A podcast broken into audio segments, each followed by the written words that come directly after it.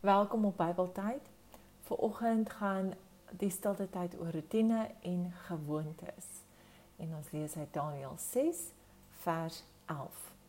Toe Daniël hoor ehm um, dat die dekreet uitgevaardig is, het hy na sy huis toe gegaan.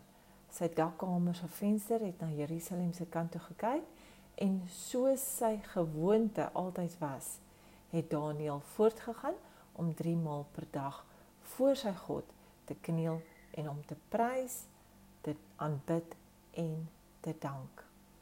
Lukas 22 vers 39. Jesus het die stad verlaat en volgens gewoonte Olyfberg toe gegaan en sy disippels het hom gevolg. Soos Jesus ook gewoontes gehad het om met God te kommunikeer, is dit belangrik vir ons om ook gesonde gewoontes en rotines te hê op 'n daaglikse basis.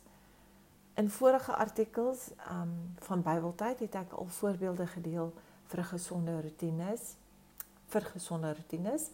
Hierdie voorbeelde kan gebruik word soos elkeen goed dink.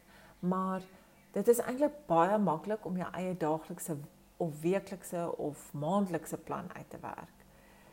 Dink na aan jou dae. Hoe begin jy jou dag en hoe eindig jy jou dag? Begin jy in 'n warbel of staan jy vroeg op en spandeer jou tyd met God? Of eindig jy jou dag voor die televisie en maak jy tyd of maak jy tyd om vir God dankie te sê vir alles wat hy vir jou gedoen het in jou dag? Wat doen jy gedurende jou dag?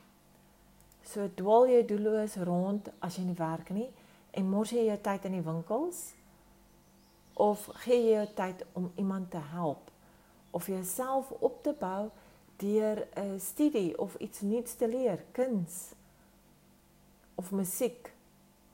Dit moet hierop neerkom. Gesonde rotine is gelyk aan gesonde lewe.